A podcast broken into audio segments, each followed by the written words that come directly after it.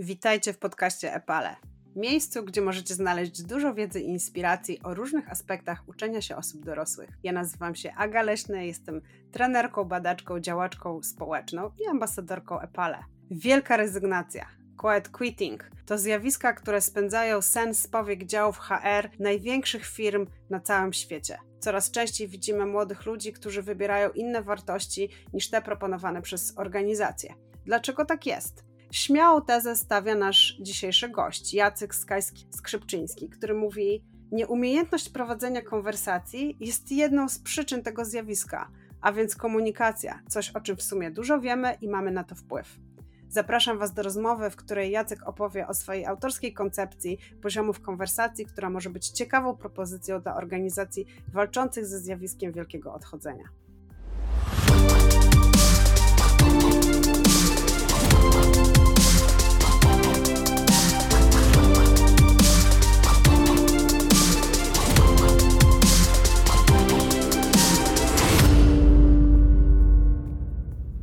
Dzisiejszym podcaście Epale mamy specjalnego gościa, trenera, executive coacha, który pracuje z topowymi zespołami i mm, dyrektorami w Polsce. I zaprosiłam Jacka do rozmowy, ponieważ Jacek zajmuje się takim interesującym aspektem związanym z wewnętrzną, mentalną mocą menadżerów. I rozmawiając o tych aspektach mentalnej mocy, zeszliśmy na poziom rozmowy. Jacku, ty dużo teraz piszesz w swojej publicystyce i mówisz o tak zwanym wielkim odchodzeniu, wielkiej rezygnacji, quiet quitting, takim zjawiskiem, z, którego, z którym topowe zespoły i wielkie organizacje się mierzą. I stawiasz bardzo ciekawą tezę, co jest jedną z przyczyn tej wielkiej rezygnacji i odchodzenia. Czy możesz się podzielić z naszymi słuchaczami? Co to za pomysł? Witam serdecznie. Ten mój pomysł wynika z e, długoletnich obserwacji, bo jestem już na tym rynku ponad 25 lat e, i to nie tylko na rynku polskim, ale ostatnio polskim najwięcej, że ta wielka rezygnacja i to ciche rezygnowanie wynika między innymi z takiej rzeczy, że ludzie nie potrafią ze sobą się e, dogadać, że nie potrafią rozmawiać, że nie potrafią się spotykać efektywnie, szczególnie w firmach, ale oczywiście nie tylko, w rodzinach, w polityce również. I to powoduje ogromną frustrację, wręcz złość, wręcz beznadzieję po stronie pracowników, po stronie menadżerów, do takiego stopnia w niektórych organizacjach, że oni się jakby poddają, they give up i mówią: Dobrze, ja wolałbym pracować gdzieś, gdzie my możemy rozmawiać normalnie, gdzie nie jest ciągła walka o to, żeby się wypowiedzieć, o to, żeby dojść do jakiegoś konstruktywnego rozwiązania. I ja dziękuję. Dziękuję, w związku z tym się wyłączam i chcę pracować w środowisku, które jest mniej toksyczne. To jest bardzo ciekawe, no bo wydaje się, że komunikacja, no to jest coś naprawdę bardzo podstawowego. Od 20 lat każdy trener ma w swoim portfolio szkolenia z komunikacji. Mamy modele, normy, graniczne centrale przysyłają jakieś scenariusze. Co takiego widzisz w Polsce? Co się takiego dzieje, że cały czas uważasz, że komunikacja w naszych zespołach jest toksyczna czy nieproduktywna? To bym powiedział, że nie uważam, ale obserwuję, ponieważ z nimi pracuję. Jasne. To nie, nie dotyczy tylko i wyłącznie Polski. Co się dzieje? To jest kilka poziomów tego. Po pierwsze, e, brak tych umiejętności. Po drugie, brak świadomości siebie, w jakim momencie konwersacji ja się znajduję i jaką ja tutaj rolę pełnię. Czy ja pełnię rolę tego, który ma powiedzieć swoją rację, do czego to często się sprowadza, czy ja pełnię rolę opiekuna tego spotkania, facilitatora, któremu zależy na efektywnym rezultacie tego spotkania czy tej rozmowy. Czyli ludzie się ustawiają w pewnych rolach i bardzo często ustawiają się w tej roli ja muszę powiedzieć, co ja myślę. A głębiej oczywiście to wynika z tak zwanego ego, menedżerskiego, czy w ogóle ego tych osób, które są w tej konwersacji, że to ego powstrzymuje ich, te osoby, przed konstruktywnym spojrzeniem na całość tej rozmowy czy tego spotkania. Te konwersacje mogą być nawet e, takie toksyczne, że to nie jest tylko marnowanie czasu i coś nieproduktywnego, ale coś, co tworzy toksyczne środowisko pracy, które może być powodem frustracji i rzeczywiście odchodzenia osób z zespołu. Jesteś autorem takiego ciekawego opracowania poziomów konwersacji. Czy możesz coś więcej powiedzieć o tych pięciu poziomach, które diagnozujesz, opisujesz? Tak, trochę w skrócie powiem, że te poziomy odpowiadają pięciu poziomom kultury organizacyjnej według tri Tribal Leadership e, Dave'a Logana i spółki, których jakby obserwuję i którą też metodą pracuję.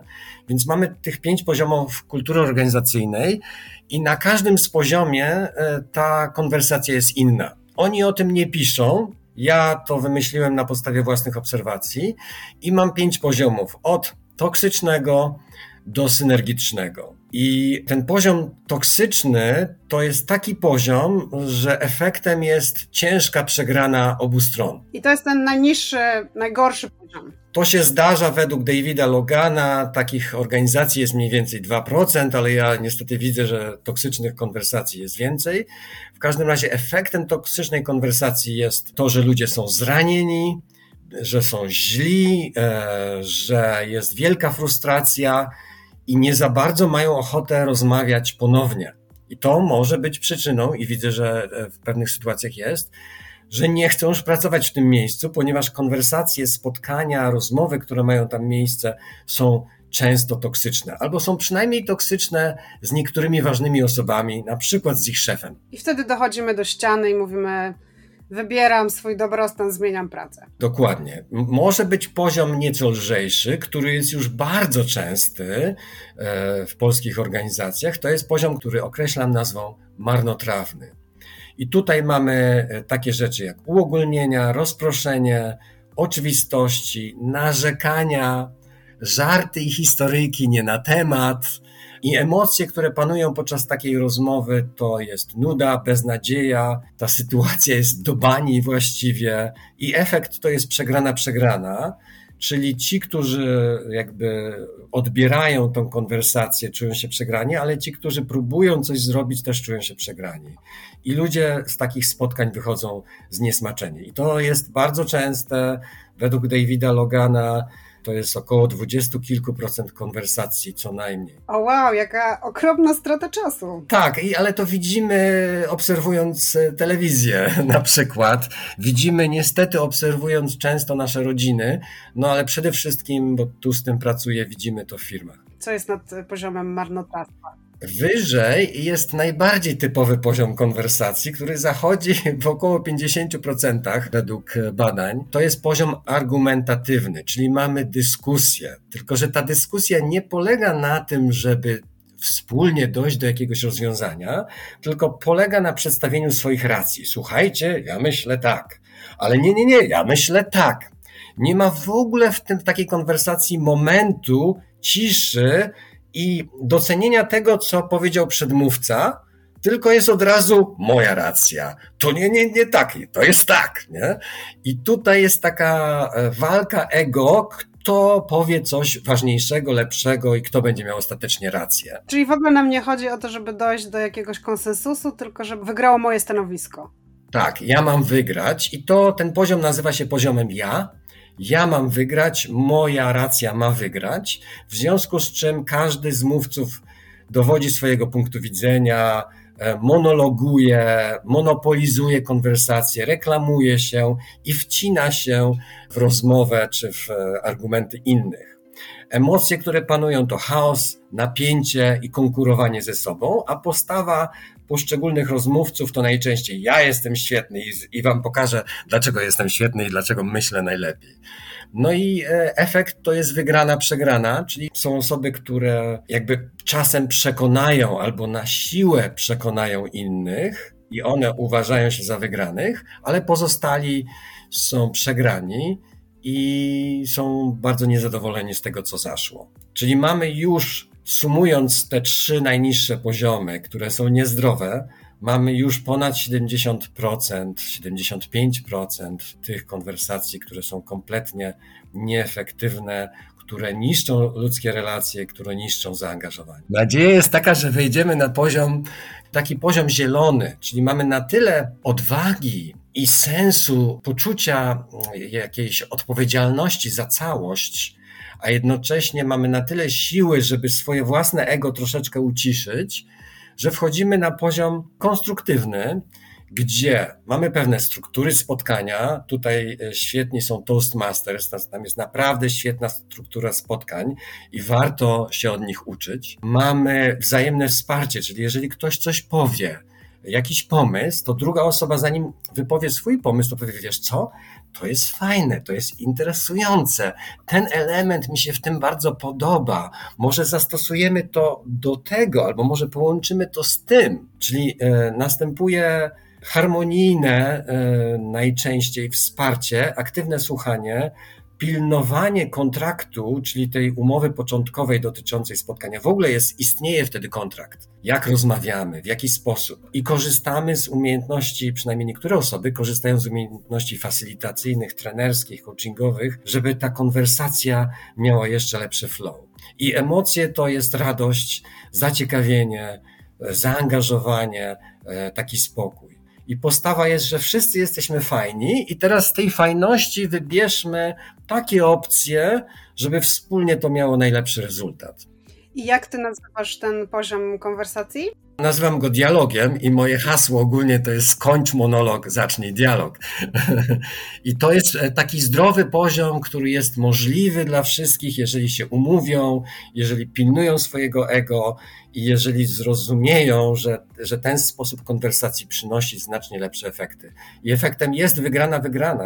Efektem jest, że ludzie są chętni do dalszych spotkań. Na niższych poziomach Nikt nie chce tego kontynuować, czyli organizacje, jak ja na przykład pracuję w jednej fundacji, przestają po prostu mieć e, uczestników, przestają mieć ludzi zaangażowanych, a organizacje e, korporacyjne, firmowe po prostu tracą ludzi i albo ich tracą mentalnie na początku, czyli oni stają się tak zwanymi zombie w naszym języku, czyli są, ale robią jak najmniej, tak zwany quiet quitting, albo w ogóle już mówią nie, nie. Natomiast jeżeli ludzie trafiają e, do zielonego miejsca, czyli miejsca, gdzie, gdzie jest dialog, są chętni współdziałania i też czują, że mogą się rozwijać. A czy ta, na takim poziomie konwersacji, który właśnie ty nazywasz dialogiem, możliwe jest też jakieś wspieranie się, wiesz, ścieranie się idei? Tak, zgodnie z e, teoriami Le bardzo polecam te książki, to na tym e, jest możliwe wspieranie, ale to jest wspieranie konstruktywne.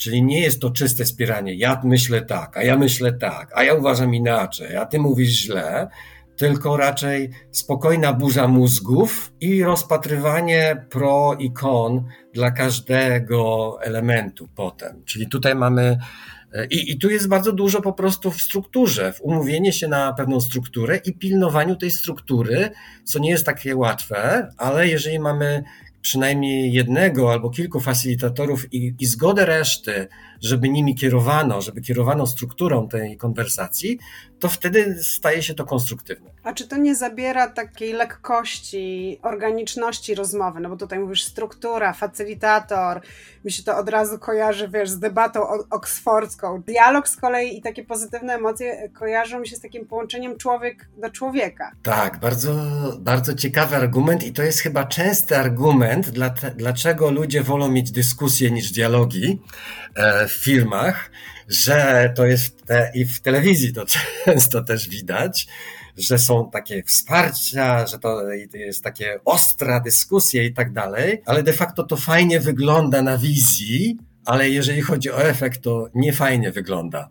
Nie powoduje, że ci ludzie lepiej współpracują w przyszłości, że tak powiem, a raczej y, tworzą się obozy i, i ludzie utrwalają się w swoich punktach widzenia, podczas gdy jakakolwiek innowacja, jakakolwiek nowa myśl musi zawierać punkty widzenia różnych stron i wtedy dopiero staje się ciekawa, mocna, interesująca i konstruktywna. Czyli to jest taki czwarty z poziomów, o których mówisz, ale w samym modelu jest pięć, czyli Jaki jeszcze mamy poziom? Tak, jest jeszcze poziom, który ja tutaj mam kolorem pomarańczowym i on odpowiada poziomowi e, temu najwyższemu w kulturze organizacyjnej, czyli temu poziomowi, gdzie następuje niesamowity wybuch innowacji, niesamowity wybuch kreatywności, jest niesamowity flow i to jest poziom, który zresztą oceniany jest e, na taki, że nie można w nim być cały czas. Ten poziom wynika z e, czwartego poziomu, czyli z dialogu, wtedy pojawiają się momenty, kiedy ludzie angażują się na 200%, kiedy nagle, jeżeli są w tej dobrej atmosferze, w tej zielonej atmosferze dialogu, nagle pojawiają się momenty, kiedy oni się stają super kreatywni. O tym, e, o takich momentach mówił założyciel między innymi Apple. O takich momentach mówimy właśnie w tych firmach garażowych, w tych firmach e, nowo powstających, gdzie jest pełny entuzjazm, pełna ekscytacja, albo jeżeli mówimy o zespołach sportowych, które wygrywają, które nagle wchodzą na taki poziom, że wszystkim się wydaje, co jest grane, nie? Ale to jest ten poziom, kiedy oni uwierzyli w to, że grają dla siebie wzajemnie, że nawet nie grają dla siebie, grają dla czegoś większego niż e, dla, dla świata, dla, dla stworzenia jakiegoś niesamowitego widowiska, czy momentu, czy odkrycia. I w tym momencie dla nich e, sama ta praca, samo bycie jest po prostu piękne i następuje ekscytacja, inspiracja, zachwyt. Zachwycamy się wzajemnie sobą. Mogę to powiedzieć, jak to wygląda w konwersacji. E, no na przykład, ja uważam, że powinniśmy w biurze postawić ten kwiat, bo on jest zielony. I druga osoba odpowiada, tak, zielony to wspaniale, właśnie lubię ten kolor. Ten kolor jest e, w naszym logo i tak dalej. I powstają takie takie sprzężenia zwrotne, to słyszysz w moim głosie, jak Słyszę twoją ekscytację. Przepiękny, jak, jak to jest przepiękny poziom i na którym to poziomie jest po prostu e, wybuch tej innowacji i powstają rzeczy, które byłyby niemożliwe e, na, na każdym z innych poziomów, bo każdy z innych poziomów jest mniej ekscytujący i, i jest spokojniejszy. A tutaj się pojawia to ogromne zaangażowanie, pasja, a jednocześnie flow i lekkość, które prowadzą do takich połączeń, już nie ma żadnych ale pomiędzy ludźmi, tylko jest czysta praca nad tym, co, co chcą wymyślić w danym momencie. Ja w takich e, zespołach i momentach byłem, czasami i to po prostu e, no, powoduje kreatywność tysiąc, dziesięć tysięcy razy większą i nagle okazuje się, że coś jest możliwe, co dotychczas nie było możliwe. Bardzo to, co mówisz, przypomina mi model skali współpracy, w którym ja z kolei bardzo dużo,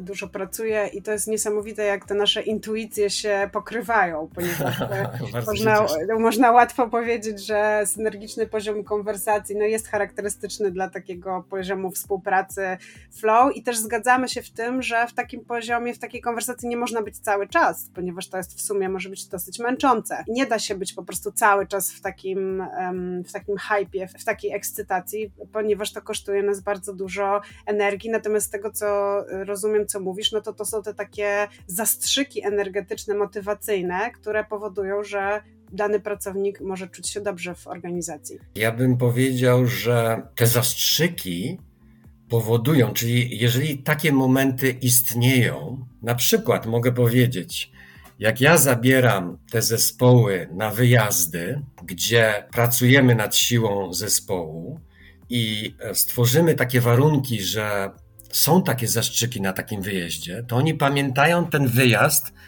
przez kolejne, ja już nie mówię dwa lata, bo to mam ludzi, którzy dzwonią do mnie po 17 latach i mówią, na tym wyjeździe tam pracowaliśmy i to pracowaliśmy na wszelkie jakby sposoby, ciałem, e, ruchem, e, e, w różnych grach i tak dalej. Ja po prostu stałem się lojalny wobec tego zespołu.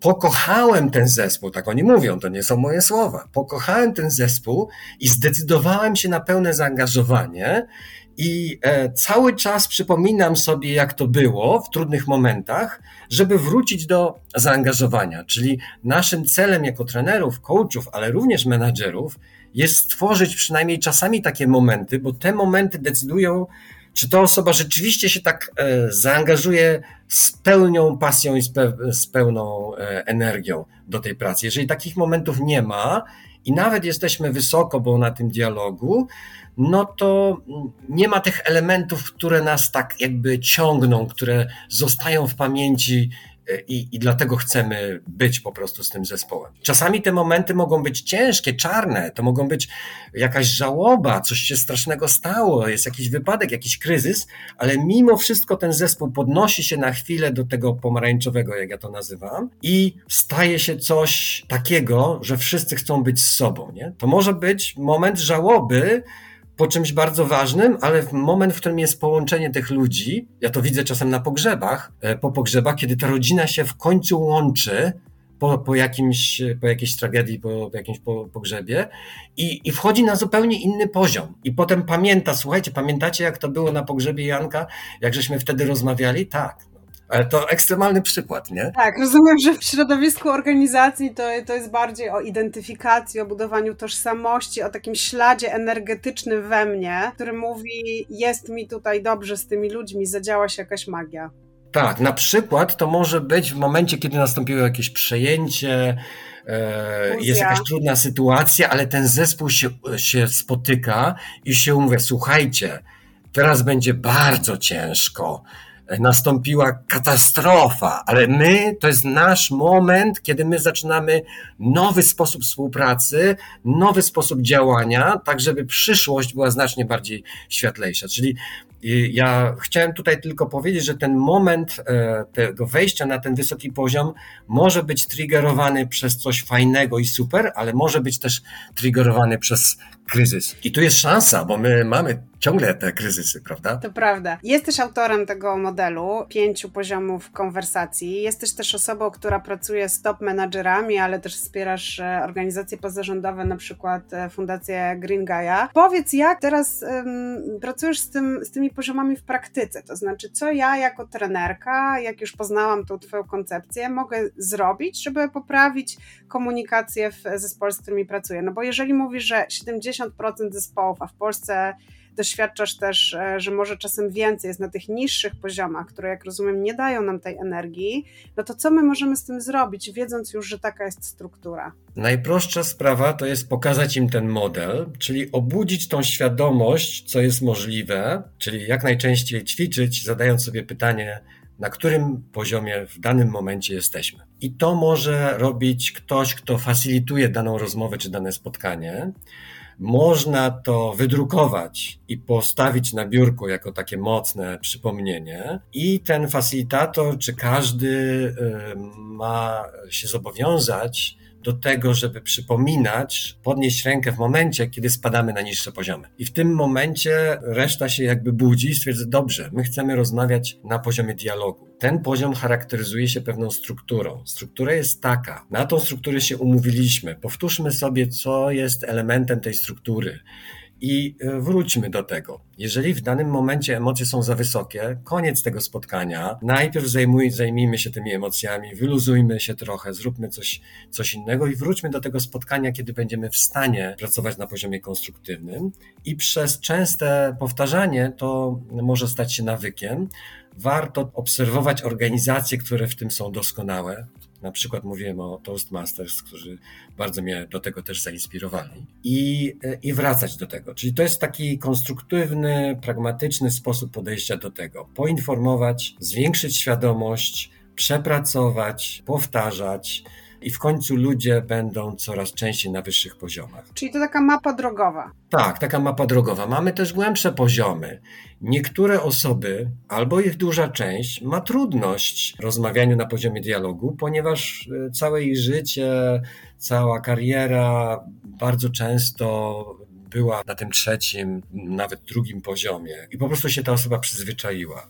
Więc ja z takimi osobami pracuję też indywidualnie, w indywidualnym coachingu lub na tych wyjazdach zespołowych. Bardzo to jakby głębiej przerabiamy. I tutaj przerabiamy nie tylko same te poziomy konwersacji, ale na przykład sabotażystów wewnętrznych. Czyli co powoduje, że my spadamy na niższe poziomy, bo to nie są tylko poziomy konwersacji, tak naprawdę to są poziomy naszej energii, poziomy naszych emocji, poziomy naszej produktywności, bo to wszystko jakby się nakłada, czy poziomy współpracy, jak mówiłaś. Więc pracujemy głębiej nad tak zwanymi sabotażystami wewnętrznymi, którzy nam przeszkadzają wejść na wyższe poziomy emocjonalne czy energetyczne. Pracujemy nad takimi pozytywnymi nawykami i łączeniem się z pozytywnymi czynnikami, które nas wnoszą wyżej. I jest na to bardzo jakby dużo technik. Taka technika, która jest najprostsza dla mnie, a jednocześnie bardzo dobrze działa, jest, że ludzie robią wglądy w swoich sabotażystów, czyli co powoduje, że schodzą niżej,